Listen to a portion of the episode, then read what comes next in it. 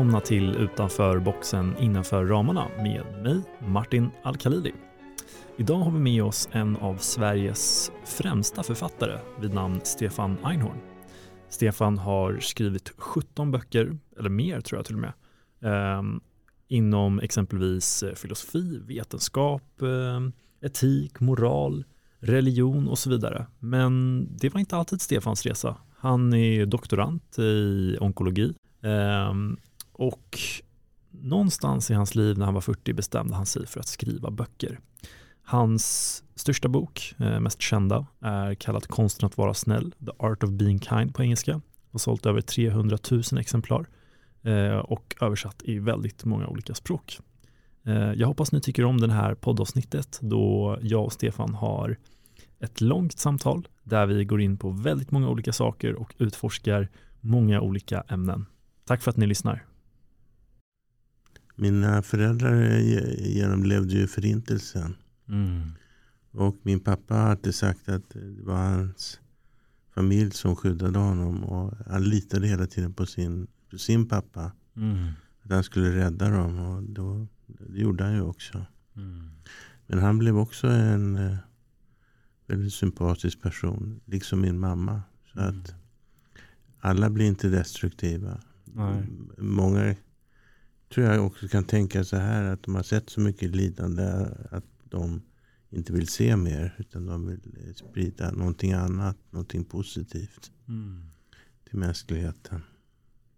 Mm. Det, är väl, det är väl tre saker som kan hända en lidande människa. Det ena är att man bryts ner av lidandet. Mm. Det andra är att man går igenom det och så ruskar man av sig det och går vidare med sitt liv och ingenting har hänt. Och det tredje är att man växer och mognar genom lidandet och eh, att det blir en delvis eh, förändrad människa i positivt hänseende.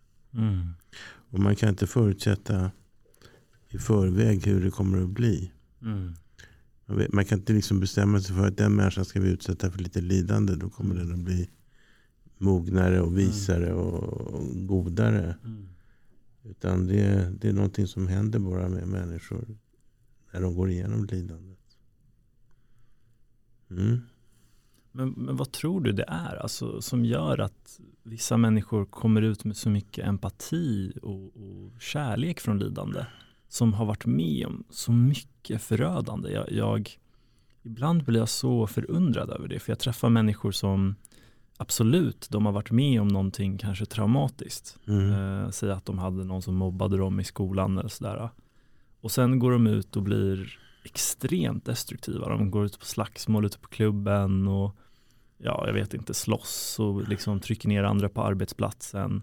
Och sen har vi liksom de människorna som vi pratade om som dina föräldrar som var med om förintelsen. Och liksom eh, var med om något så extremt mycket men ändå valde att, ja, men jag vet vad, jag ska faktiskt göra bättre av mänskligheten. Det är, ja, jag vet inte, för mig är det väldigt eh, det är jätteintressant. Det är väldigt intressant och jag har inget svar på den frågan. Det, mm. det som eh, gör att människor eh, man har gjort studier på människor som ställer upp i svåra situationer för det goda. Som tar, tar risker tar, Eh, för att rädda andra människor. Och man har försökt hitta vad det är som utmärker dem. Och det, det finns inget definitivt svar på den frågan. Men en tendens man har märkt är att de kommer ofta från familjer som har pratat mycket om etik och godhet. Som har en, där familjen har haft en hög moral, moralisk standard.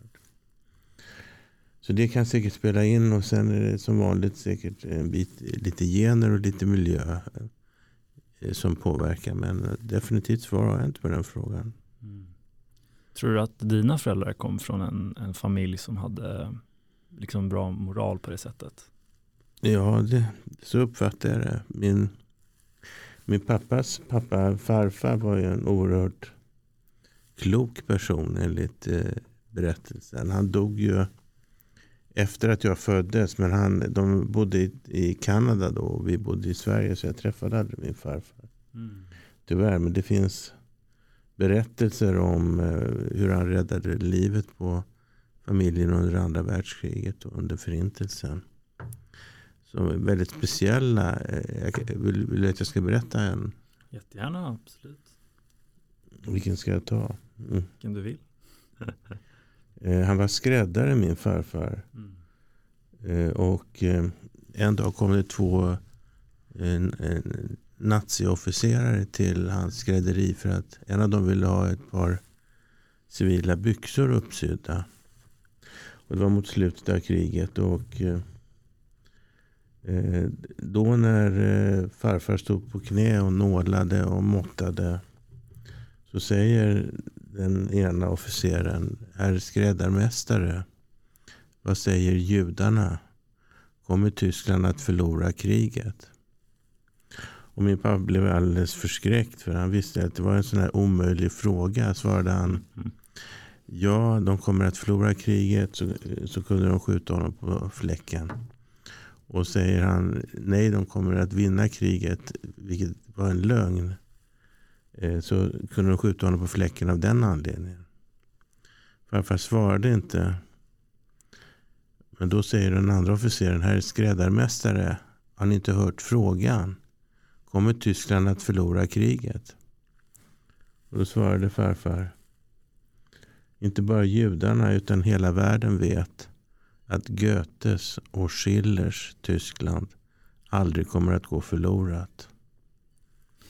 Officerarna tittar på varandra och börjar prata om någonting annat. Och genom att hänvisa till den tyska kulturskatten så svarade han på frågan. Men utan att ljuga och utan att förlora livet. Och vad var det Goethe och Schiller sa om Tyskland? Det vet jag däremot inte. Men de är portalfigurer i den tyska kulturen. Mm. Gud vad intressant. Ja, och då lät de han gå, alltså han var befriad. Ja, då, då slapp, slapp han bli skjuten. Så han, han hade en väldigt stark moral. Man kan säga att han, eh, han var väldigt påläst också. Din, uh, ja. Han var ju inte universitetsutbildad min farfar men han var tydligen autodidakt. Han hade lärt sig mycket på egen hand. Mm. Jag är ledsen fortfarande till denna dag att jag aldrig träffade farfar. Men så är det. Man träffar inte alla människor man skulle vilja träffa. Mm. Nej, så är det. Um, Okej, okay, du det är så att du eh, doktorerade i onkologi, om jag förstår det rätt. Mm. Så du spenderade väldigt många år eh, som läkare och forskare. Sen blev du professor.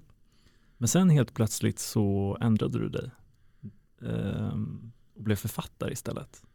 Mm. Vad var det som, som fick dig att helt plötsligt byta riktning? Ja, det var ju eh, krisen mitt i livet. I 40-årsåldern så fick jag en livskris. Och fick förmånen att ställa mig frågorna. Eh, vad, vad håller jag på med? Eh, vart är jag på väg? Är det här vad jag vill syssla med? Om inte, vad vill jag egentligen ägna mig åt? Och jag var ju en framgångsrik forskare. En, en, eh, väldigt ambitiös i den akademiska världen. Jag skulle upp och jag skulle, jag skulle bli eh, eh, institutionschef och allt möjligt. Men efter den här livskrisen så insåg jag att det, det var inte mitt starkaste område att hålla på med cancerforskning. Mm. Jag, jag, var tydligen en ganska hyfsad cancerforskare men det var inte det som var viktigast i livet. Och eh,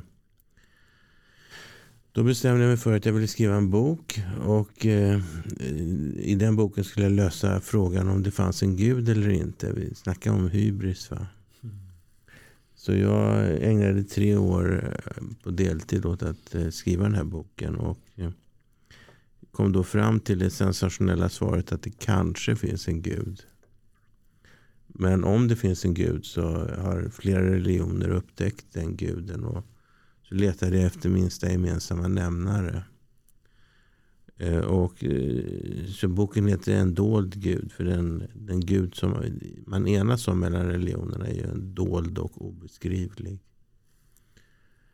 Eh, och sen när jag kom igenom det här så hade skrivit klart då insåg jag att det var, det var det jag ville syssla med. Att fortsätta skriva böcker. Så att, men då blev jag vald till prefekt, till institutionschef och jag fick professuren. Och märkligt nog liksom. Eh, eh, när jag inte längre var så intresserad av det. Men sen, eh, eh sen dess har jag gått ner på cirka 20-25 procent på Karolinska institutet. Jag undervisar ju fortfarande. Eh, men slutade med cancerforskning och gick ner eh, i tid med patienter också. Eh, så jag hade väldigt lite patienter. Eh, och så började jag föreläsa och skriva böcker. Och sen har det blivit... Jag, jag har kommit fram till att jag skrivit 16 böcker. Det är inte klokt. Alltså. Jag fattar inte hur det har blivit så jäkla många. Och när du sa att du tyckte, du sa att du insåg att du inte skulle vara bäst på eh, onkologi. Vad, är det så att det är det som är viktigt? Eller var det någon annan drivkraft? Vad är det liksom, säg att du faktiskt hade varit bäst. Hade du varit kvar då som professor? Det handlar inte om att vara bäst, det handlar om att vara tillräckligt bra. Mm. Och jag upplevde inte att jag var tillräckligt bra för att egentligen göra någonting stort. Alltså forskningen är ju som en gigantisk svallvåg. Den sveper fram. Och jag insåg liksom att om jag inte gjorde någonting, eh, ett experiment eller eh, hit, gjorde, drog en slutsats så eh, skulle någon annan göra det kanske några veckor senare eller någon mån några månader senare. Så det, det plötsligt det som tidigare hade känts otroligt viktigt. Jag tyckte ju att forskning var det enda riktigt viktiga i tillvaron. blev plötsligt lite banalt.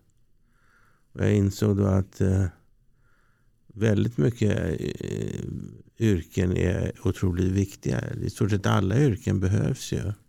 Jag fick en annan syn på på det här med eh, vad som är viktigt i tillvaron. Och jag insåg att jag var mindre naturvetenskapare och mer humanistiskt lagd. Min syster har gått samma väg. Hon har ju varit läkare och sen blivit eh, författare och filmare. Så att eh, det... det, det, det vi, vi valde först liksom det här självklara karriärvägen eftersom våra föräldrar var läkare. Och sen eh, insåg vi väl att vi var menade för någonting annat. Mm. Kanske en, en, dum fråga, men, men ångrade du att du blev läkare? Om du, om du kunde ha gått bak i tiden, hade du valt det humanistiska? Eh, alltså jag ångrar definitivt inte att jag blev läkare, för jag har lärt mig så mycket som jag har haft glädje av. Och det ger mig också en viss legitimitet. Och eh, forskningen ångrar jag inte heller. För det ger mig en bas att stå på. Som, eh, det är ju en utbildning att eh, jobba som forskare. Och, eh, så jag kan inte säga att jag ångrar något av de valen. Men frågan är om jag hade eh, börjat från början om jag hade valt samma eh, samma väg. Det är inte säkert. Det är, det är möjligt att jag kanske hade blivit psykolog eller eh, journalist eller någonting i den stilen. Det är möjligt. Mm. Okej, okay.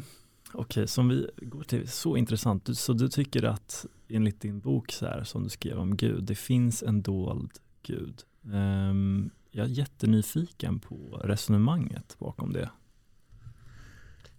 Jag, jag hade hypotesen då att eh, jag kunde inte tänka mig att bara en enda religion har hittat Gud och alla andra religioner är ute och cyklar.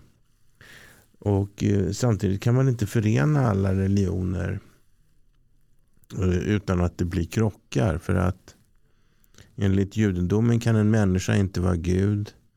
Men enligt eh, kristendomen så är Jesus gudomlig, en del av treenigheten. Och det finns andra saker som inte går ihop mellan olika religioner. Så jag tänkte så här att eh, om det finns en gud så har olika religioner hittat den guden. Och vad är minsta gemensamma nämnare? Och då så jämförde jag buddhismen, hinduismen, taoismen, judendomen, kristendomen, islam med, och ytterligare några religioner. Och kom fram till att de alla beskriver, eh, och speciellt då inom de monoteistiska religionernas mystiska eh, utövning, beskriver de en gud som inte en, eh, talar eller ger order eller straffar. Utan det är en dold, obeskrivlig Gud som man kan komma i kontakt med om man söker. Men det blir ett inre sökande. Eftersom Gud finns i alla människor. Och det här var min hypotes och den presenterar jag i den här boken. En dold Gud. Men jag vet ju inte om det finns en Gud eller inte. Jag är själv agnostiker. Mm. Hur ser du själv på frågan om Gud? Jag tror väl att um, det är mer, enligt mig, mer sannolikt att det finns flera gudar i så fall. Uh, och inte bara en gud, så att säga. Om, om jag skulle utgå ifrån det mera uh, religiösa, uh, alltså ifall jag skulle vara religiös så skulle det personligen vara mera logiskt att vara till exempel ehm, hindu, hindu för att eh, om jag hade växt upp och inte haft den vetenskapliga kunskapen ja, eh, som jag växt upp med så skulle jag förmodligen tänkt mig att det finns flera gudar, flera krafter, vatten och naturen och elden och luften. Och jag tror inte att jag skulle se det så binärt som att ja, men, eh, det är en sak som har skapat allt. Liksom. Um, sen om, som jag ser Gud nu med min väldigt vetenskapliga, jag skulle säga väldigt så här postmodernistiska, rationalistiska sätt att se på saker. Så mm, jag tror väl att Gud är, det är väl lite panteistiskt. Jag tror att Gud finns i allt. Gud är allt. Ehm, jag, jag menar inte Gud i den teologiska meningen, eh, utan mer som ett, någonting abstrakt, liksom att det, det kollektiva eh, medvetandet så att säga eh, är en form av Gud. Eh, det är väldigt svårt att konkretisera exakt vad det innebär. Men jag kan säga också att jag tror också att det finns, eh, jag har tänkt på det här väldigt mycket, att naturen på något sätt eh, är medveten. Ehm, och det fick jag för när jag var i, det var en tanke som kom till mig när jag var i Sydamerika jag hade en väldigt eh, spirituell eh, resa där eh, i Peru och jag, jag, insåg att vi människor är medvetna varelser eh, och vi kommer från naturen. Så vad är det som säger att en skog inte är medveten? Vad är det som säger att hela naturen i sig, alla celler på den här världen, kollektivt tillsammans har ett medvetande? Det skulle kunna vara så. Och då är enligt mig naturen en medveten gud på något sätt mm. som överskrider alla individers kollektiva medvetande. Mm. Det, var, det tycker jag, så i så fall så tror jag att det finns en gud på det så sättet att naturen är en gud, en medvetenhet liksom. Mm. Um, men också att hela universum på något sätt kan vara en, en gud också. Man kan väl säga så här att om vi, människan är den enda om jorden är den enda planeten med, med liv och människan är den enda av, eh, som har ett, eh, vad vi kallar ett medvetande. Så, eh, och naturen är gudomlig. Då, då, då kan Gud se sig själv genom människan. Mm. Det är en ganska vacker tanke. Det är inte, det är inte min originaltanke tyvärr. Mm. Det är, det är ganska fascinerande att eh, det är flera som framför den tanken att Gud genom människan skådar sig själv. Ja, exakt. Exakt. Man har ju hört också många som inte är lika så kallade spirituella säga att vi, vi är den delen av universum som tänker på sig själv. Mm. Jag känner att det går i samma banor som att säga vi är den delen av Gud som reflekterar om sig själv. Liksom vi, mm. eh, Gud eller universum söker sig till sin sanning genom oss, genom evolutionen mm. Eh, och försöker att röra sig mot en slutsats. Och jag tror personligen att den sanningen är kärlek på något sätt? Hur, hur ska allt liv, levande liv hantera lidande på det bästa sättet? Eh, och att vi eh, överskrider vår nuvarande form genom lidandet. Eh, till exempel Eckhart Tolle sa en väldigt fin sak om korset, att, att eh, Jesus på korset är en symbol av att han överskrider eh, genom lidande sin nuvarande mänskliga form. Mm. Och att det enligt mig borde vara människans eh, primära mål och det verkar också som att vi rör oss dit. Mm. Jag skrev en bok eh, efter en dold gud som heter Den sjunde dagen som handlar om livets mening. Mm. Och eh, livets mening eh, kan sammanfattas i några ord. Och det är kärlek, det är visdom och det är att det är etik, alltså godhet. Och människans uppgift är att eh, det finns en alternativ eh, skapelseberättelse som eh, från den judiska mystiken. Och enligt den så skapades världen genom att Gud sände ut sex strålar. Nej, tio strålar, ursäkta, tio strålar. Och de skulle rymmas i tio kärl. Men de här kärlen splittrades, sex av dem. Sex av dem splittrades. Och därför fick vi en, på grund av den här olyckan fick vi en ofullständig värld. Med lidande, smärta, eh, våld och, och hat. Och människans uppgift enligt den här skapelseberättelsen det är att reparera världen. Vilket kallas för, vilket kallas för tikkun och lam. Tikkunolam betyder reparera världen. Och det gör vi genom kärlek, godhet, visdom och kanske kunskap också. Och jag menar att vare sig det finns en gud eller inte, om vi lever på det här sättet, så får vi en bättre värld. Vare sig det finns en gud eller inte. Det det, det är väl på något sätt det som ger eh, en, en riktningsangivelse för mitt liv. Idén med tikkun och lam. Mm.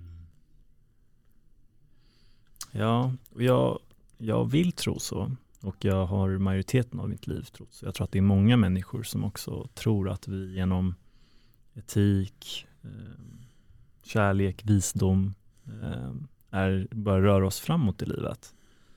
Men samtidigt, eh, vi har ju filosofier som nihilismen, ganska självklart, så finns det ju också många som tänker sig att det är så mycket, ibland så mycket oförklarligt lidande.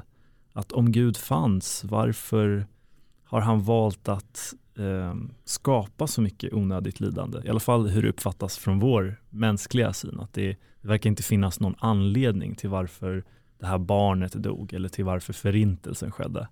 Eh, hade vi haft makten, hade vi varit Gud, det är klart att majoriteten hade eh, sett till att förintelsen inte skedde. Mm. Varför är det så att, att, att det finns det här lidandet i världen? Eh, ibland kan man tänka sig från en teologisk mening att det är, det är inte Gud som styr, det är Satan. Vad, eh, liksom att, och anledningen jag menar det är för att som sagt det finns eh, så mycket oförklarligt, onödigt lidande som vi inte kan begripa med bara liksom tanken. Det finns en felöversättning från eh, Gamla Testamentet. Eh, som innebär att man har tidigare tolkat det som att Gud är allsmäktig. Men eh, man, man ska tolka det ordet som att Gud är stor. Det är en skillnad mellan en allsmäktig Gud som kan fixa allting och en stor Gud som har begränsad makt. Och enligt Tikkun Olam-konceptet så är det människan som ska göra jobbet tillsammans med Gud. Gud kan inte göra det ensam. Mm. Och eh, denna tanken på en ofullständig Gud löser liksom det här teodicé-problemet som du beskriver. Mm. Eh, jag tycker den bästa förklaringen jag kan hitta att Gud är inte allsmäktig. Gud är i så fall stor. Mm. Om det nu finns en Gud, det måste jag ju tillägga alltid. Det vet ju inte jag. Ja, jag fattar vad du menar. Vilken intressant tanke att liksom vi rör oss eh, tillsammans med Gud framåt. Den, han är ofullständig, vi försöker, människan är en del av Gud, Gud är en del av oss. Och framåt ska vi och fixa det som, som är quote unquote problemet, så att säga, eh, mm. eh, i citationstecken. Det är en jättefin tanke. Um, och då är det inte så att, enligt din mening då förstår jag det inte, det är inte så att Gud i så fall kan styra saker och ting. Eller att det är någon Gud som nödvändigtvis har skapat saker och ting. Um, det, är, det är ett fint sätt att se på saken.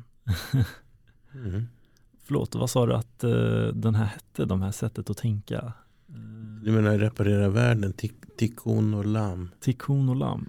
T-I-K-K-U-N O-L-A-M Tikkun och lam. Fint. Och då är det ju också så att enligt Tikkun och lam då har vi ett ansvar människan att reparera världen. Ja. Uh,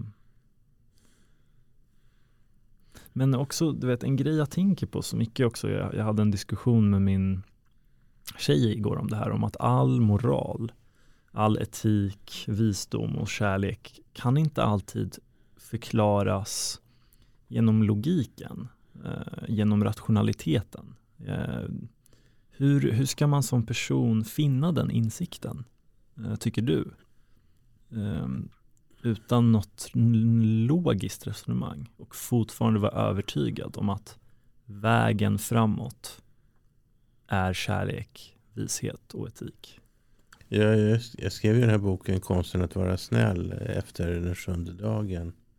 Och Konsten att vara snäll är ju, det blev ju en kioskvältare. Den blev ju översatt till 19 språk och har sålt i 350 000 exemplar i Sverige.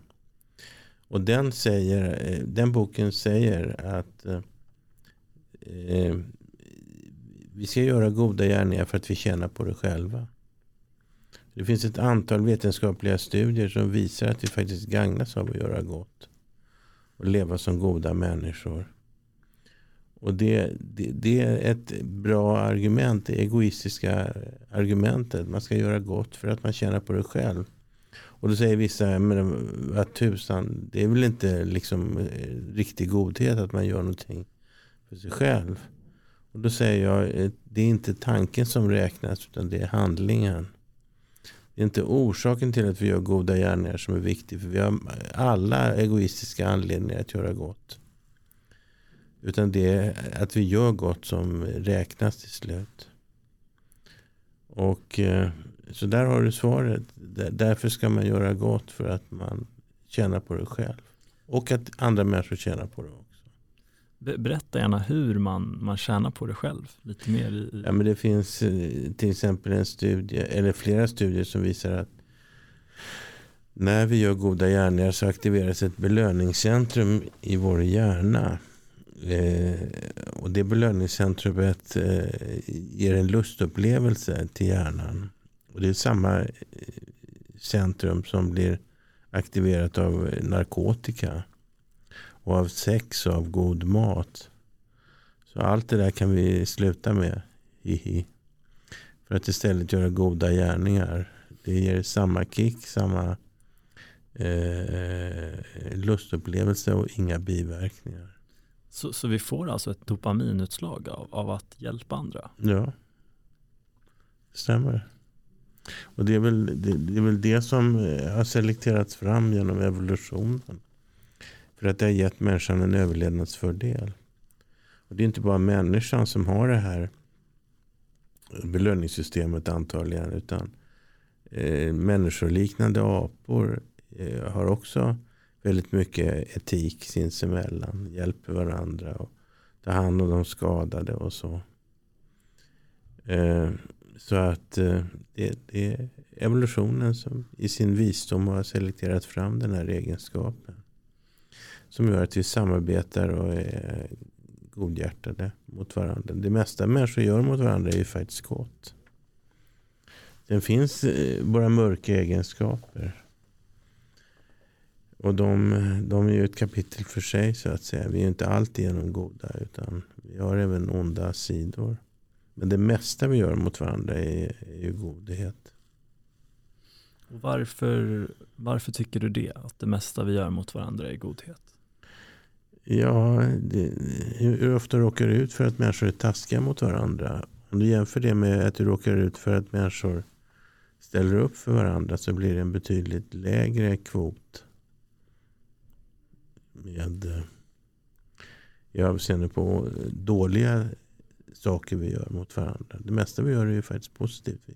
Vi hjälper varandra om vi får problem. Vi eh, eh, eh, vi månar om varandra, vi hälsar glatt på varandra. Vi, eh, vi ger varandra en kopp kaffe då och då och en klapp på axeln. Det finns väldigt mycket som är gott. Just det. Så du, du tycker alltså att mänskligheten eh, är i majoriteten god. Och alltså det, det jag skulle säga att det här är en av de viktigaste frågorna i hur vi ser människan, eh, vilken människosyn man har. Och att den människosynen eh, grundar sig i hur du kommer agera i världen. Eh, den, den värderingen kommer att eh, lägga grunden för hur du ser andra, hur du väljer att, vilken karriär du väljer, vilket utbildning du väljer. Och om du, alltså man, man, kan läsa det väldigt klart. Jag, jag kommer ihåg när jag läste Mussolini i, eh, på universitetet att det var ganska självklart att han hade en väldigt dålig människosyn. Han tycker att människan är ond, eh, att människan är djurisk, eh, självisk och så vidare. Och eh, det är ju den här klassiska debatten mellan Rousseau och Hobbes. Um, vad tycker du? Eh, vad jag tycker om vad?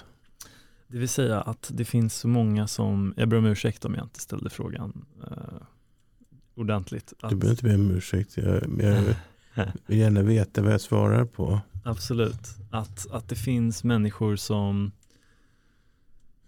säger att nej, i grund och botten är människan självisk, Eh, hade vi fått chansen hade vi tagit från varandra. Vi sätter oss själva framför andra. Vi eh, är beredda, vi människan, om vi, den får chansen så gör den illa andra för, sitt egna, för sin egna vinning. Så upplever jag inte människan. Jag upplever människan som jag nämnde huvudsakligen god. Mm. Men vi får en förvriden syn ibland på människan för att det budskap massmedia eh, pumpar ut är liksom problem, problem, problem. Och människor behandlar varandra illa. Jag menar, vi, vi får läsa om att någon har blivit nedslagen på tunnelbanan. Vi får aldrig läsa om att igår färdades flera miljoner svenskar med allmänna kommunikationer eh, packade som eh, sillar och ingen slog ihjäl någon annan. Vilket ju faktiskt är en, en eh, bragd. Och det, det, men det är ingen nyhet liksom. Det som är nyheter det är när någonting negativt inträffar. Och det beror ju på att vi, vi har behov av att veta om faror. Det är ett biologiskt evolutionärt framselekterat behov. Vi behöver ha en beredskap för problem. Men vi behöver inte ha beredskap för att nu är allting bra, nu är allting gott. Och det avspeglar sig i det budskap som massmedia pumpar fram. Mm. Och det kan ge en skev bild av verkligheten. Men i verkliga livet, om du går igenom vad du har upplevt under en dag så är det, mest, det allra mesta positivt i interaktionen mellan olika människor. Mm. Håller du med?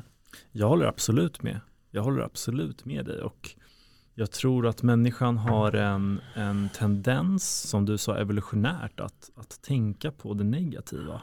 Mm. Att fokusera på smärta mer än lida, att reagera mer på smärta än, än det fina. Det är en evolutionär grej i oss och, och det, det har hjälpt oss att överleva, att förutse hinder, att tänka negativt för att inte hamna i onödigt smärta eller lidande. Det är någonting som har skapat vår utveckling som människa mm. tror jag. Eh, men det verkar, när jag träffar vissa människor så är de så övertygade ibland om att människan är ond i sin grund. Man har ju läst så mycket, det finns ju så mycket, du vet, böcker med väldigt catchy titlar. The Selfish Gene. Mm. Eh, du vet liksom eh, Dawkins. Dawkins, exakt. Ja, och, det, och Pinker har också skrivit något liknande om hur när man analyserar tribes, eh, liksom, förlåt, stammar ute i, i skogen, hur de också är, beter sig väldigt eh, så kallat primitivt djuriskt. De har brist på förnuft och därför behöver vi, därför återigen så är Hobbes eh, syn på människan sann, att människan utan lagar, utan en stat som håller koll på oss eh, kommer bara att eh, hamna i total kaos. Eh, och det, är, det, finns forskning som pekar för och det finns också forskning som pekar mot och jag känner att så här, även, om, även om man inte kan komma till en eh, sann slutsats, säg, säg att det faktiskt är sant, tänker jag så här, säg att det är sant att, att människan är, är så i sin grund, ja men då måste vi väl ändra det, då, då måste vi väl röra oss framåt ändå. Eh, då måste vi väl ändå se till att vi blir bättre, för att eh, ska vi ska vi acceptera det, då kommer vi inte utvecklas. Då kommer vi bara hamna i krig och lidande. Och, ja, det finns väl ingen, det finns väl ingen, eh, inget rätt med det liksom. Vad tycker du? Nej, jag tycker det du sa var klokt. Jag instämmer. Ja. Mm. Du har ju du skrivit väldigt mycket om lycka Eh, vad tror du de vanlig, vanligaste missuppfattningarna om lycka? Och eh, hur kan vi odla en djupare och mer varaktig känsla av välbefinnande i våra liv? Jag, jag, jag, tycker inte jag har ägnat så mycket kraft åt lycka. Men jag har några saker att säga. Den eh, bästa studien över lycka jag känner till den gjorde man i USA. Eh, man gav människor ett tillgodohavande på Starbucks Coffee. Och så fick de tre valmöjligheter. De kunde gå till Starbucks, äta en muffin, eh, dricka en kopp kaffe och sen var det inget mer med det. Eller så kunde de ge bort tillgodohavandet och låta någon annan fröjda sig på Starbucks. Eller så kunde de ta med sig någon och gemensamt dela på tillgodohavandet. Minst lycklig blev man när man använde det själv. Näst lyckligast blev man om man gav bort det. Men lyckligast blev man om man gjorde det tillsammans. Och det visar två saker som gör oss lyckliga. Det ena är goda relationer. Att vi lever i ett sammanhang. Att vi har ett nätverk runt oss. Och det andra är att eh, ge till andra människor. Att vara god. Att vara snäll. Det, det är två viktiga saker för att eh, vara lycklig. Och en tredje sak skulle jag vilja tillägga är att man eh, ägnar sig åt någonting som man tycker är meningsfullt. Det man känner är meningsfullt är individuellt. Det, det är upp till var och en. Men där har du tre lyckofaktorer. Mm. Eh, Ja, det är väl det viktigaste jag har att säga om lycka. Har du känt att, eh, har du alltid haft de här uh, lyckofaktorerna i ditt liv? Eller var det här en insikt som kom senare? Att det här är de tre lyckofaktorerna? Nej, det kom nog senare när, när jag läste in området. Eh, när jag skrev boken Konsten att vara snäll. Eh, men eh, det finns säkert andra hypoteser om vad som gör oss lyckliga. Har, har du några exempel på någonting annat som enligt litteraturen gör oss lyckliga? Oj, det är väl... Um, ja, du glömde den. Um, jag, tror, jag tror också att vi får inte glömma att vi är uh, materiella varelser. Vi är biologiska varelser. Um, och att, uh, att ta hand om vår hälsa, uh, vår fysiska kropp också bidrar till mycket lycka. Exempelvis eh, om du inte får ljus på morgonen i dina ögon så kommer du ha betydligt mindre dopaminnivåer mm. eller hormonell homeostas mm. som man brukar säga. Exempelvis om du tränar så har du mer serotonin. Ehm, så lycka är holistiskt eh, och det är väl inget nytt. Det finns ehm, materiella och icke-materiella eh, faktorer som bidrar. Och jag tror väl att mänskligheten har väl spenderat majoriteten av sin tid på att se till att vi har de, eh, de fysiska eh, och materiella eh, tillgångarna till lycka, det vill säga trygghet, värme, sjukvård, och så vidare mm. och så. Men att nu kommer vi i en tid där vi ska fokusera på det icke-materiella, det spirituella eller vad man vill kalla det för. Eh, sökandet efter lycka. Och det är väl det du har gjort med din bok också. Ja, man, man, brukar ju säga att eh, pengar gör oss inte lyckliga men de gör oss faktiskt lyckliga till en viss gräns. Mm. Till en viss nivå så blir vi lyckligare om vi tjänar mer pengar. Mm. Men sen när man når den här nivån som ligger liksom på en, på, på, en, på, på, en nivå som gör att man eh, kan få mat för dagen och eh, husrum och så vidare. Sen blir vi inte lyckligare av pengar. Mm. Men eh, du har helt rätt, hälsa är viktigt. Mm. Eller hur? Um, jag känner väl att um, det finns så många bidragande faktorer ordning är svårt att bibehålla på alla plan. Men det är vad människans sökande är trots allt. Att vi, att vi skapar ordning i våra system, i våra liv, i, med våra tankar och känslor och så vidare. Um,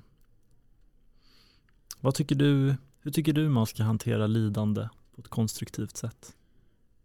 Mitt eget eller andras? Både och. Ja, det... Du kan börja med ditt egna.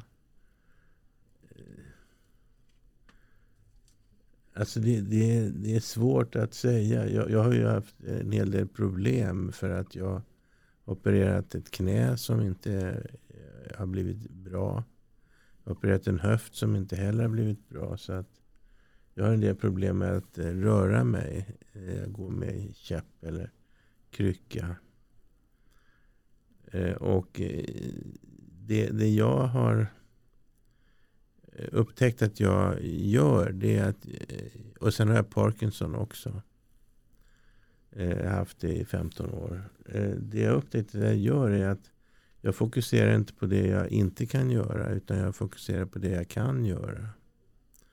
Och då tycker jag att livet är stort och rikt fortfarande trots att det finns saker jag inte kan göra. Men för, eh, fokuserar man på förlusten, det man har förlorat, då, då, då tror jag man blir man ökar sitt lidande. Men att jag fokuserar på det som eh, jag kan göra, det är ingenting som jag har tänkt ut eller bestämt mig för. Utan jag, jag inser att jag fungerar på det sättet. Att jag, att jag har ett fokus på det jag kan göra och glädje mot det jag kan göra. Andras lidande ska vi försöka lindra så gott vi kan. Det är vår uppgift och vårt ansvar här på jorden. Eh, det finns inget sätt att komma ifrån det ansvaret. Utan vi eh, har en förpliktelse mot eh, mänskligheten att bidra till en bättre värld. Och minska lidandet. Okej. Okay. Men det här med att du säger att man borde fokusera på det man man kan göra. Um, oftast blir det ju ganska svårt att, att göra det. Man kan säga att det, det är lättare sagt än gjort. Har du några kanske praktiska åtgärder som man kan vidta eh, för att prioritera sitt eget välbefinnande? Liksom? Jag, jag, kan inte komma på något sådär i brådrasket utan och det är som sagt var ingenting jag har funderat ut att jag ska fokusera på det positiva. Jag bara upple- upplev, insett att jag är en sån person. Mm. Och eh, jag, jag, det ligger inte för mig att beklaga sig. Det ligger inte för mig att gnälla. Utan jag är väl, eh, för, eh, det har förvånat mig också att jag är en ganska positiv person som uppenbarligen kan hantera ett visst mått av lidande. Mm. Tycker du att man ska ge plats för det så kallade negativa i sitt liv? Negativa tankar och negativa känslor? Ja, alltså, vi måste ju vara medvetna om våra mörka sidor. För om vi inte är medvetna om det så kan vi inte göra någonting åt dem. Mm. Om vi har dåliga egenskaper och eh, struntar i det, liksom bara fortsätter vårt liv, då kommer ingenting att ändra sig. Kommer de att, så att säga, ta kontrollen över vårt liv. Men om vi har förmågan att, till självinsikt, förmågan att vara medvetna om våra mörka egenskaper, våra sämre sidor, våra negativa sidor. Ja, då kan vi göra någonting åt dem. Mm. Och hur tycker du att vi, vi kan bli medvetna om våra mörka sidor, våra negativa sidor? Ja, det är ju själv introspektion som man kallar det med ett fint ord. Att vi tittar på vad vi är för typ av människa.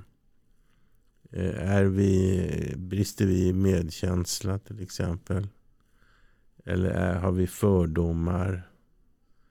Eller eh, är vi självupptagna? Gör vi inte tillräckligt för andra människor? Eh, är vi snåla? Är vi falska? Är vi hatiska? Det, det är bara, bara säger jag, men det är inte så himla lätt. Men det, man, man kan ju titta på sig själv och säga vilka dåliga egenskaper har jag och vad kan jag göra åt de dåliga egenskaperna? Och vi kan förändras. Vi kan förändras. Jag har skrivit en bok om det här som heter De nya dödssynderna. Där jag gjorde en eh, enkät, ett antal enkätundersökningar för att ta reda på vilka är de värsta egenskaperna hos svenska folket. Alltså vad, vad anser vi vara de värsta egenskaperna? För vi har ju de gamla sju dödssynderna som fastställdes av påven Gregorius den första år 600. Och det här är de nya dödssynderna. Så vet du vilken egenskap vi tycker är värst? Uh, när man är, inte lyssnar på andra. ja, det är bra förslag. Eh, ignorant. Nej, det kommer inte högst. Vill du gissa igen? En brist på empati. Det kommer inte heller högst. Vi, vi, vi, vi, vi jämförde 36 olika egenskaper för att sålla fram den som är värst. Och den som var värst enligt svenska folket är falskhet. Och det förvånade mig. Men sen insåg jag att det var faktiskt ganska klokt för att vi lever i ett tillitssamhälle. Vi litar på varandra i stor utsträckning. Och det håller samman samhället. Eh, och slutar vi lita på varandra då faller samhället sönder helt enkelt. Så det är bra jobbat av svenska folket att välja falskhet. Men vet du hur ofta vi ljuger? Nej. Eh, det finns olika undersökningar. Mellan tre och åtta gånger per dag ljuger vi. De tre vanligaste lögnerna enligt en undersökning är eh, eh, Tack, jag mår bra. Den, den, andra är Jag ringer dig. Och den tredje är Kul att se dig. Många skulle väl definiera det som en vit lögn. Kanske att det inte är en lögn som bidrar till något lidande eller så. Ja, håller du med om det? Det håller jag med om. Men eh, tycker du att vi, att vi borde säga till exempel om du träffar någon, för man, oftast när man kanske träffar någon och säger tack jag mår bra så vill man ju inte, man vill inte mm, irritera den andra personen med sina problem så att säga. Så att vi ljuger för att vi gör det, vi vill inte att andra ska ja, må dåligt över oss så att säga. Alltså vi måste ju ha vita lögner. Jag, jag, ja. jag är absolut inte någon som säger att man alltid ska vara ärlig. Människor som säger jag är alltid ärlig lämnar i regel ett spår av förödelse bakom sig. Ja. För att eh, vi, vi ska inte berätta allting för varandra. Vi ska ha hemliga rum. För, för det, det, det kan orsaka väldigt mycket lidande att alltid vara ärlig. Mm.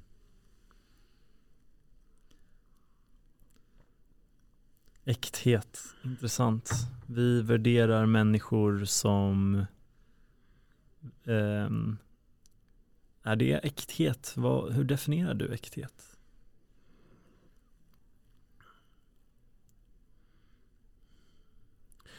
Alltså jag, du, du menar som en egenskap hos en människa? Du pratar inte om tavlor till exempel? Nej, men det skulle vara intressant att prata om också. men äkthet hos en människa är för mig ett ganska brett begrepp. För att jag menar att människor har ett antal olika personer. Så man, och det gör att man kan vara på ett sätt mot en, en viss människa och på ett annat sätt mot en annan människa. På ett visst sätt i en viss situation och en annan situation på ett annat sätt. Och det är fortfarande äkta. Liksom. Vi, vi, vi, vi har helt enkelt olika eh, aspekter. Jag brukar säga att det är som en, man lyser på en kristall. Beroende på hur man vinklar ljuskällan så får man fram olika aspekter av personligheten. Så, så för mig är en människa som ibland är på ett sätt och ibland på ett annat sätt kan mycket väl vara äkta. Mm. Och eh, är, äkta, är äktheten en subjektiv eh, sak? Är det att du är det enligt dig någonting som du själv känner att gud, nu känner jag mig äkta?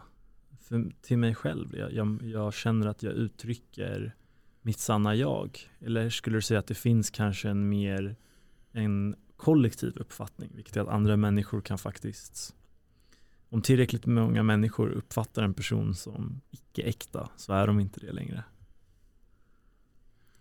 Alltså jag har lite svårt att relatera till det. Eh, menar, menar du att människor kan vara mer eller mindre äkta? Eh, absolut. Och hur är du då? du tycker om att, att, ställa mig frågor. Ja men vi har ju ett samtal. Absolut. Eh, jag försöker att, eh, min definition av äkthet det är att jag till så stor mån som möjligt ska uttrycka mina känslor så länge jag inte eh, stör eller skadar någon annan. Mm. Um, och det måste jag bedöma utifrån fall till fall. Och så länge jag uttrycker hur jag känner, hur jag mår uh, utan att vara uh, till illa för någon annan så är jag äkta. Är du inte öppen? Är det inte det du är? Uh, vad menar du med, med det? Jag menar att det, det, det man, man, kan ju uttrycka sina känslor. Och eh, ändå inte uppleva eh, sig vara äkta. Eftersom det finns alltid känslor man inte delar med andra människor. Mm. Jag antar att du har också sådana känslor som du håller för dig själv. Det, det är liksom äkthet kan vara äkta. Om man menar det som äkthet så, kan, så är, har vi olika nivåer. Liksom. Du berättar väl inte för folk hur du sköter dina toalettvanor till exempel? Nej. Och då ska man ju säga, då är inte du äkta. Det, vad jag menar är att du, det, det du berättar om skulle jag snarare säga att du är öppen. Ja, just det. Ja. Ja men jag kanske är väldigt öppen och sen så att vissa känslor delar jag inte med mig det är för att det inte är lämpligt. Och lämpligheten beror ju på flera faktorer som sociala koder så att säga. Till exempel att man inte delar med sig om detaljer på toaletten är ju självfallet för att det är inte socialt accepterat och det mm. måste man anpassa sig till. Okej, okay. nu klarade du undan den här gången. Äkthet kanske är som en ehm, som du säger, också som en ficklampa eh, som eh, eh, strålar genom olika väggar och de här väggarna är sociala normer, anpassning till andra människor och så vidare. Men att jag försöker så mycket som möjligt att få fram mitt inre ljus. Men samtidigt som jag anpassar mig till de här väggarna som finns där för en anledning såklart. Mm. Men då, då tänker du, eh, antar jag, också på vad du är när du är äkta. Ja. Jag tänker inte på det. På mig själv. Mm. Intressant. Jag tänker inte nu är jag äkta, nu är jag inte äkta. Eh, jag har nog aldrig gjort det.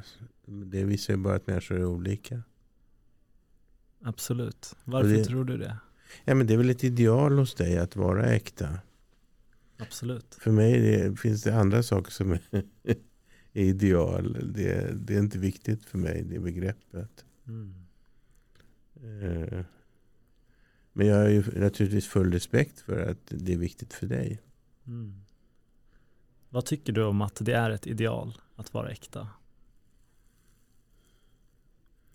Eh, jag skulle, jag, jag skulle inte placera det så högt på min rankinglista. Jag, jag, jag, skulle säga att det finns egenskaper som är viktigare än att vara äkta. Som till exempel att vara vis. Att vara eh, omdömesgill. Att vara medkännande. Att vara snäll. Att vara empatisk. Det är ett antal egenskaper som kommer före att vara äkta. Och vilken är den absolut viktigaste enligt dig? Ja, men det är väl eh,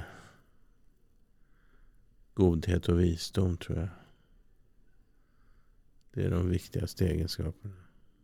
Och varför tycker du att, att visdom är, är så viktigt? Och vad är visdom för dig? Vi som har skrivit en bok om visdom som heter den, eh, Vägar till visdom. Och vid, visdom som jag definierar är eh, förmågan att lösa komplexa problem helt enkelt. Det är visdom. Och eh, för att vara vis krävs det ett visst antal egenskaper. Som till exempel ödmjukhet och godhet och eh, empati och sådana egenskaper. Så att det, det, det finns en eh, del, delmängderna inom visdom är ganska många. Men sammantaget så resulterar det i en person som har svårt, eh, som har eh, som kan hantera komplexa problem och förstå sig på andra människor. Och göra gott. För att man, man kan vara intelligent och vara elak. Man kan vara smart och vara elak. Men man kan inte vara vis och vara elak. Det, definitionsmässigt så är jag en god människa. Och varför behövs det för att komplexa problem? Det, det kan vissa definiera som ja, alltså I vårt samhälle är komplexa problem ja, men kvantfysik, eh, du vet, vetenskapliga saker, onkologi. ja, det är inte sådana problem jag pratar om, utan Nej. jag menar eh, relation, huvudsakligen relationsproblem. Ja. Vi ska ju leva tillsammans eh, i, i det här samhället, i, här, i den här världen. Och då behövs det en hel del visdom för att på individnivå, på gruppnivå, på samhällsnivå. Det, ibland finns det brist på visdom. Bland annat hos våra politiker. ja, den har, man, den har man ju hört förut. mm. um, jätteintressant. Så, så vi pratar inte om att lösa komplexa problem, handlar om att lösa livets problem. De, de, både de emotionella och de intellektuella, om jag förstår det rätt. Ja, huvudsakligen mellanmänskliga problem skulle jag säga. Visst visdom handlar om. Visdom handlar inte om teoretisk fysik eller, eh, eller medicinska gåtor. Utan det handlar om hur vi hanterar relationer. Mm.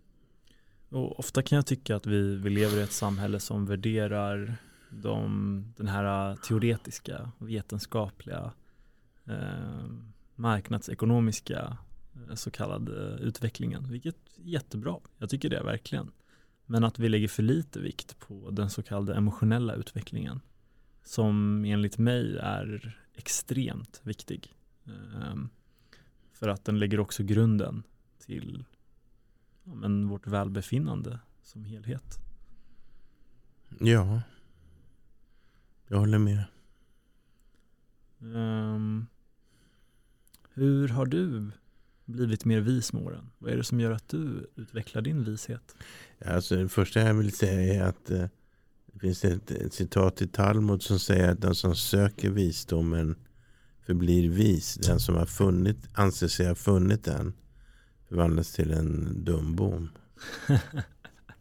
De uttrycker sig inte riktigt så drastiskt. Men man får aldrig säga om sig själv att man är vis. Eh, för att det är, det är någonting omgivningen, eh, omgivningen kan säga om en. Men människor som tror att de är visa, de har inte kommit någon, någonstans alls. Så att du får formulera om frågan helt enkelt. Okej. Är, är vishet en handling enligt dig? Är det, är det en person som inte handlar? Säg att du mediterar hela dagarna. Är du vis då? Eller måste du agera? Ja, du måste agera. Ja, ja. absolut. Du kan inte sitta på din häck och uh, vara allmänt vis. Liksom meditera åtta timmar om dagen och sen inte prata med människor utan leva i, i uh, eremitliv. De räknar inte jag till visa människor kategorin. Eh, men jätteintressant. Jag tänker, vilken person är det som du har läst om eller som du har träffat som du verkligen har tyckt är vis? Någon som du verkligen känner admiration till? Min pappa. Fint, berätta gärna. Ja, men han, han eh, var en fenomenal människokännare. Och en fenomenal eh, fenomenal på att lösa problem. Och eh, han, han fattade kloka beslut. Jag har lärt mig mycket av min pappa. Jag hade ju förmånen att jobba med honom under ett antal år. Eller vi var på samma institution. Så att eh, han är väl nummer ett enligt, enligt mig. Liksom. Han, han, eh, han hade också eh, visioner liksom. Vilket kan vara kopplat till visdom. Han ville göra någonting, han ville skapa någonting. Och han skapade väldigt mycket också. Och han var bra på att ta människor liksom, som gjorde att det är möjligt att eh, lösa de här problemen som uppstår. När man vill komma någon vart. Ja. Detta om min pappa. Mm. Vad fint. Vad fint att du att den som var den visaste människan i ditt liv var så nära dig. Mm. Vilket privilegium. Verkligen. Ehm, det är synd, det är inte alla som, som har det tyvärr. Ehm, det finns många som eh, har föräldrar eller nära som är totala motsatsen till din definition av visa. Mm. Jag tycker att jag är privilegierad som har haft en, en sån pappa. Absolut. Mm. Um, vad skulle du, finns det någonting du skulle säga till din pappa om du fick chansen? Som du inte har sagt till honom nu? Jag tycker nog jag har sagt det mesta till min pappa. Mm. Så att eh, vi, när jag var sjuk på slutet så eh, hade vi pratat en hel del om det som var väsentligt. Jag har skrivit två böcker om eh, papp, pappor. Den ena heter Pappan och den är en, ett mellanting mellan fantasi och verklighet. Så det, huvudpersonen heter Stefan Einhorn men det är inte riktigt jag. Eh, och den andra är, är den jag då nämnt, Den sjunde dagen som är en berättelse om en far och son. Mm. Och eh, vad var det som fick dig att skriva de böckerna just? Två böcker om pappaskap. Det är, det är inte alla som gör det. Nej, det, min pappa är en portalfigur i mitt liv. Liksom. Han, var, han var en väldigt viktig person. Och eh, ända till denna dag kan jag tänka vad hade pappa gjort i det här läget. Nu är det ju 23 år sedan han dog. Men eh, jag tänker på honom ganska ofta fortfarande. Mm. Vilken roll spelade din mamma i ditt liv då? Ja, mamma var ju en jättefin person och eh, läkare och eh, hade ett gott hjärta och sådär. Men hon, hon, var inte lika viktig som min pappa. Tror du att din pappa hade varit lika viktig om du var en kvinna? Det är en mycket bra fråga. Eh, som jag, det är omöjligt att svara på helt enkelt. Mm. Du gav mig din bok Tillåt mig tvivla. Det är din senaste bok om åsikter på gott och ont. Yep. Varför på ont? Åsikter, gott och ont. Ja, precis. Åsikter är ju är bra på många sätt. Det gör ju att vi tänker och vi eh, har en eh, färdriktning i livet. Det kan göra att vi, vi får ett driv liksom att genomföra saker och ting. Vi kan utbyta åsikter med varandra vilket kan vara givande. Men sen finns det en baksida med åsikter och det är när de leder till konflikter. Och ovänskap och våld. Och i slutändan kan åsikter leda till krig. Ett inte så oansenligt antal krig beror på åsikter helt enkelt. Och därför är åsikter ett otroligt viktigt begrepp. Och vi kunde inte hitta någon bok om åsikter på svenska. Så då skrev vi den här boken. För att vi, vi tycker båda, jag har skrivit den till med, med Folke Tersman. Som är eh, professor i filosofi i Uppsala. Eh, där vi skrev den här boken för att lyfta fram det här med åsikter. Hur viktigt det är att vi har bra, eh, rationella eh, åsikter. Och att vi har förmågan att ifrågasätta våra åsikter. Det går inte bara att rusa fram genom livet och ha samma åsikter som man hade i 20-årsåldern. När man ligger på dödsbädden. Utan vi, vi måste vara kapabla att ta in nya intryck. Att förhållanden förändras. Att vi tänker nytt. Och allt det här leder till, ska leda till att vi ibland ska kunna ifrågasätta och ibland ändra vår åsikt. Och det är en viktig anledning till att vi skrivit den här boken. Just att ge människor verktygen, verktygen att förändra sina åsikter. Tillåt mig tvivla heter boken och den är väldigt viktig tycker jag. När vi pratade på telefon så frågade du mig, eh, tvivlar du mycket? Och då sa jag, jag tvivlar hela tiden. Och då sa du, ja det är bra men man ska inte tvivla för mycket. Varför ska man inte tvivla för mycket? För man måste stå på en bas, liksom. man måste ha en grund att stå på.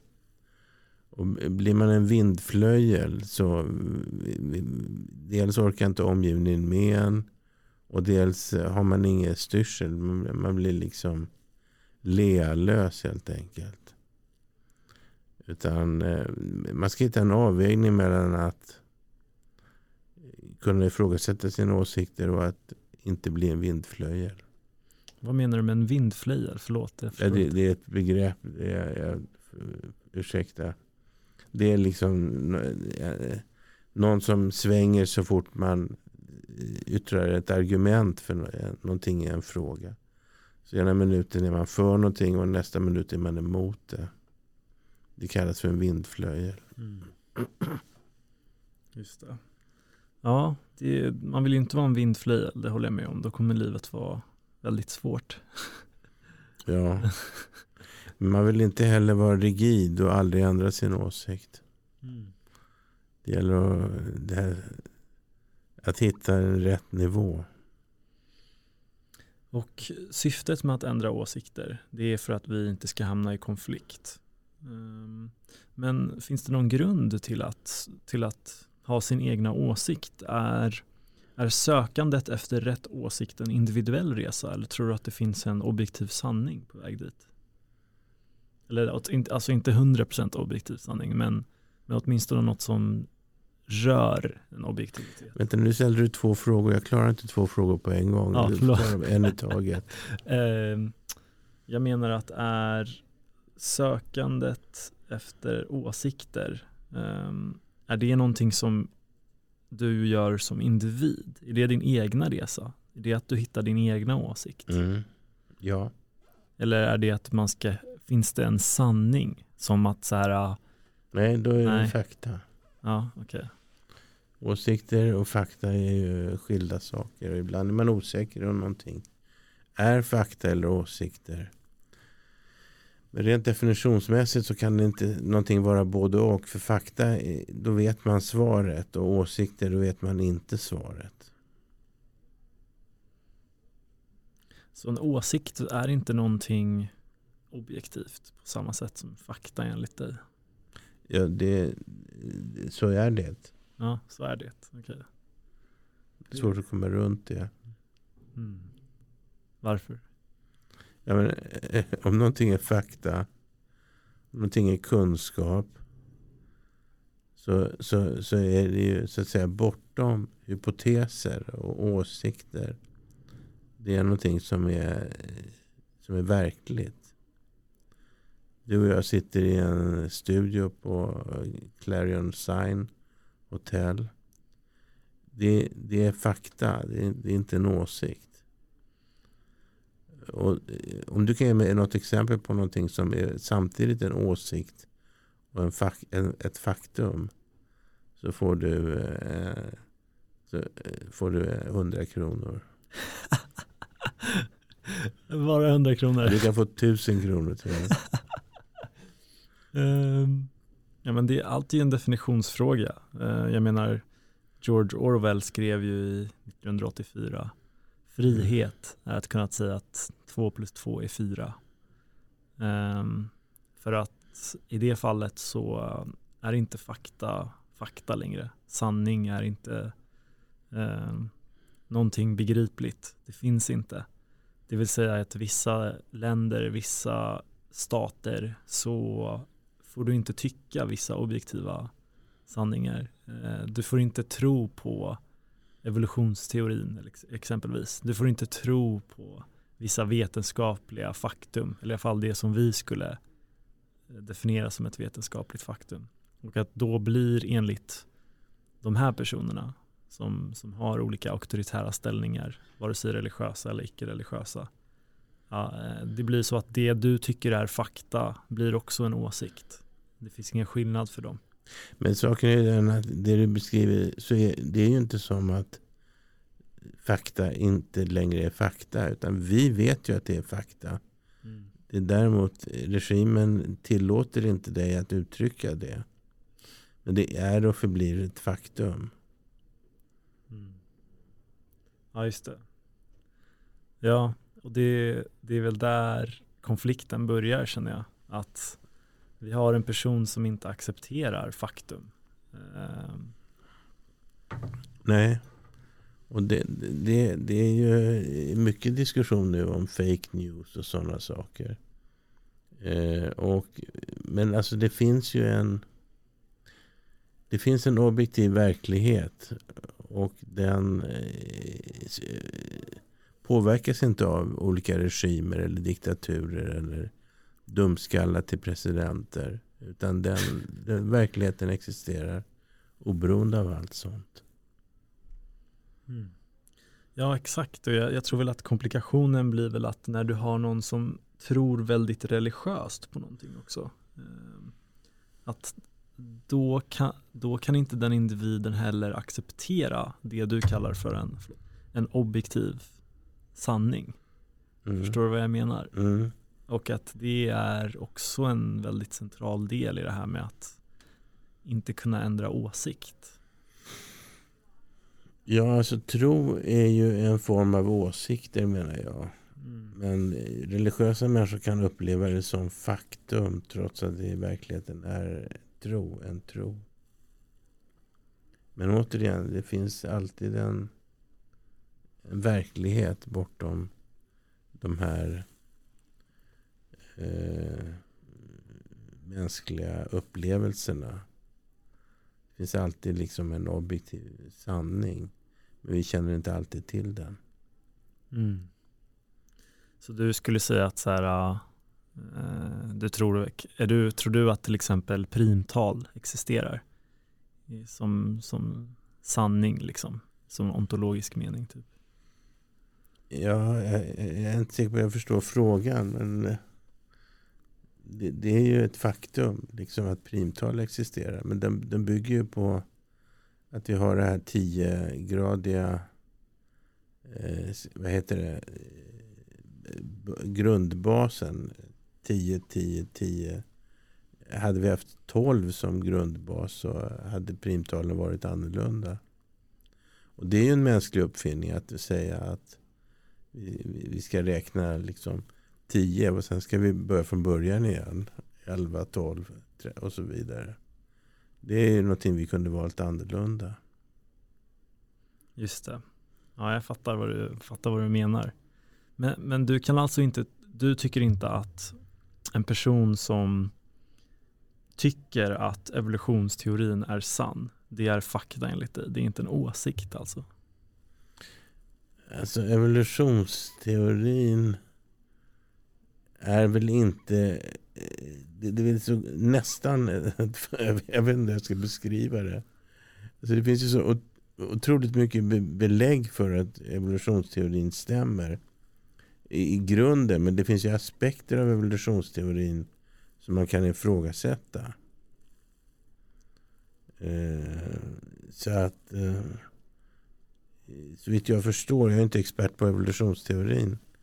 Så, eh, så finns det fortfarande områden där det finns en viss osäkerhet. Och då, där är det hypoteser och åsikter som, som gäller. Mm. Sen, sen vill jag understryka att människor kan tycka att någonting är ett faktum. Trots att det inte är det. Eh, och människor kan tycka att någonting är ett faktum trots att man kan ifrågasätta om det är ett faktum. Ja. Så, så, men, men enligt dig då, vi säger att den grundläggande versionen av evolutionsteorin enligt dig stämmer för att det finns tillräckligt med fakta. Är det då ett, det är ett faktum då, den grundläggande evolutionsteorin? Den är inte en åsikt enligt dig? Ja. Ja, exakt. Och hur tycker du en person då, då som tyck, inte tycker att deras åsikt är att evolutionsteorin är inte grundläggande faktum. Hur tycker du att en sån person bör hantera det? bör hantera det? Ja, hur ska de, för att inte hamna i konflikt, för att inte hamna i den här som vi pratar om att uh, åsikter på ont liksom. Hur ska vi ja, mötas? Den personen som inte tror på evolutionen måste ju bestämma sig för om man vill gå ut med den eh, åsikten eller inte. Och eh, det är ju upp till var och en att bestämma om man vill göra det. vi har ju åsiktsfrihet i vårt land och det ska vi värna om. För vid någon punkt blir åsikt handling. Och eh, motsättningar i, i åsikter. Eh, som Jan ni jag läste lite i boken, eh, skapar konflikt. Ehm, hur, ska man, hur, ska man, hur tycker du att två personer som har olika åsikter ska möta varandra? Ja, det finns ju till exempel en, en eh, övning man kan göra som jag gör med mina läkarstudenter. Jag delar in dem två och två. Efter att ha ställt en fråga, eh, så där, ska man stänga av respiratorn den här situationen? Är, är ni för eller emot dödshjälp? Så delar man in dem två och två, en som är för och en som är emot. Och så får de debattera mot varandra. Det är bara det att innan de börjar debattera måste de byta åsikt med varandra. Så de får debattera för den andres åsikt. Och det slår aldrig fel. De kommer tillbaka och säger det var ju märkligt, jag kunde precis tycka tvärtom. och vissa byter åsikt efter den där lilla övningen. Och jag menar att den kan man använda inte bara i undervisningen utan när du och din flickvän grälar om vems tur det är att tömma diskmaskinen så kan ni byta åsikt med varandra. Och den lilla övningen gör er lite klokare. Vilken bra idé. Ja, ja. Vad fint. Ja, men det är verkligen. Gud, det ska jag testa verkligen. Det är bra. Ja, på något, på något sätt känner jag väl att när man, när man ifrågasätter väldigt mycket så gör man väl det naturligt. Men det skulle vara kul att göra det när man sitter och bråkar över diskmaskinen med sin tjej. Det skulle ju roligt. Ja, man kan göra det inte bara med sin eh, eh partner utan man kan göra det med människor man möter som har olika åsikter. Man kan eh, göra det i, på jobbet. Eh, var som helst kan man säga nej nu byter vi åsikter med varandra. Och så byter man åsikter och eh, argumenterar för den andres åsikt. Och genast blir man lite klokare. Varför är det så förbaskat svårt att ändra åsikt? Berätta gärna. Nej, men vi, vi har ju ett problem att vi binder oss vid masten. Som vi brukar, eh, Folke Tersman brukar säga. Det innebär liksom, det är en hänvisning till Odysseus när eh, Eh, de seglade förbi sirenernas eh, land. Så sjöng ju sirenerna så förföriskt så att eh, sjömännen styrde sina skepp mot, mot musiken och gick eh, på de vassa klipporna och så förliste båten. Och då valde Dysselsson han stoppade vax i öronen på sina besättnings. Eh, män Och sen band han sig vid masten så att han inte skulle kunna styra båten. Och så kunde han lyssna till sirenernas sång utan att segla mot klippor. Och vi har den liknelsen i boken då att man binder sig vid masten. Och det är svårt att ändra åsikt för att av flera skäl. Dels är det prestige, liksom att man, har, eh, man är oroad för att ens eget ego ska bli skadad genom att man eh, eh förefaller osäker kanske. Sen eh, eh, har man ju byggt upp en eh, någon form av ideologi. Och ändrar man åsikt så blir det ett tungt arbete så att säga. Att bygga upp en, en ny ideologi. Men sen är det väldigt mycket omgivningens förväntningar på en. För man, man hamnar ju i ett kontext beroende på vilken åsikt man har. Så att vi umgås ju i, i regel med människor med liknande åsikter. Och om vi byter åsikt så eh, kan vi liksom riskera att bli bortstötta ur gruppen om det är en för gruppen central åsikt det handlar om. Och vi, vi är fruktansvärt rädda för att bli uteslutna ur gruppen. Eh, och det härstammar säkert från eh, äldre tider när uteslutning ur stammen ledde till att man inte överlevde. Så det finns ett tryck inifrån och utifrån efter att eh, som, som gör att vi gärna håller oss kvar vid åsikter även om de är förlegade eller rent ut sagt korkade. Och hur ska man hantera det här egot? Det verkar vara en, en central del. Vi har pratat mycket om det i podden. Vad, vad tycker du? Ja, alltså man måste ju ha, det första man gör är att man kommer till insikt om att man är prestigefull alla som är prestigefulla är inte medvetna om det. Och, det är viktigt att man är medveten om det för att omgivningen märker ju det ganska lätt. Att man är en prestigemänniska. Och eh, det, det hör till de egenskaper, de negativa e-, egenskaper som vi har och som vi behöver ha, för det först, ett första steg ha insikt om och sen att vi bestämmer oss för om vi vill ändra den egenskapen. Och om vi bestämmer oss för att göra det så är tredje steget att vi genomför det arbete som krävs för att ändra den egenskapen. Och det, det kräver en hel del arbete för att vi har ju växt upp med en bunt egenskaper. Och att ändra de egenskaperna innebär en form av skilsmässa. Men är vi villiga att göra det jobbet så kan vi göra det och det är till gagn för oss själva och för vår omgivning. Jag har träffat många människor som inte vill göra det arbetet. De, de vill inte ändra sig själva. De tycker om vissa av deras så kallade eh, mörka sidor. De eh, romantiserar de delarna på visst sätt. Hur, hur, tycker du en sån person ska, ska göra? Ja, alltså det är inget unikt för att eh, vi, vi har alla mörka egenskaper och vi är kanske inte alltid medvetna om det. Så att eh, och vi, vi håller gärna fast vid dem. Vi, vi har levt med dem hela vårt liv. Och vi vill gärna... Eh, de ger oss en form av paradoxal trygghet och andra fördelar. Så det, det, det återigen, det handlar om självinsikt och att eh, bestämma sig. Det finns vissa människor som har väldigt bra självinsikt eh, men, och vet att de är mörka. De vet att de är väldigt själviska. De vet att eh, om jag eh, Eh, förstör för andra så kommer jag få det jag vill eh, i vissa specifika fall. Och de är okej med det. Eh, hur tycker du att, vad finns det för argument för en sån person? Att, eh, att ändra sig, skulle du säga? Ja, det är jättesvårt att få vissa människor att ändra sig helt enkelt. Och det, det är samma sak med människor som lever i konspirationsteorier. Att det är frågan om det är mödan värt att gå i polemik med dem. Att försöka rädda dem. Det är tveksamt om man kan göra någonting för sådana människor. För de människorna. Så ibland ska man försöka hjälpa människor. Ibland måste man inse att man inte har den makten.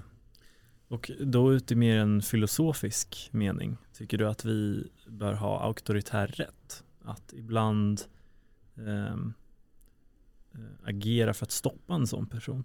Eh, ja, visst.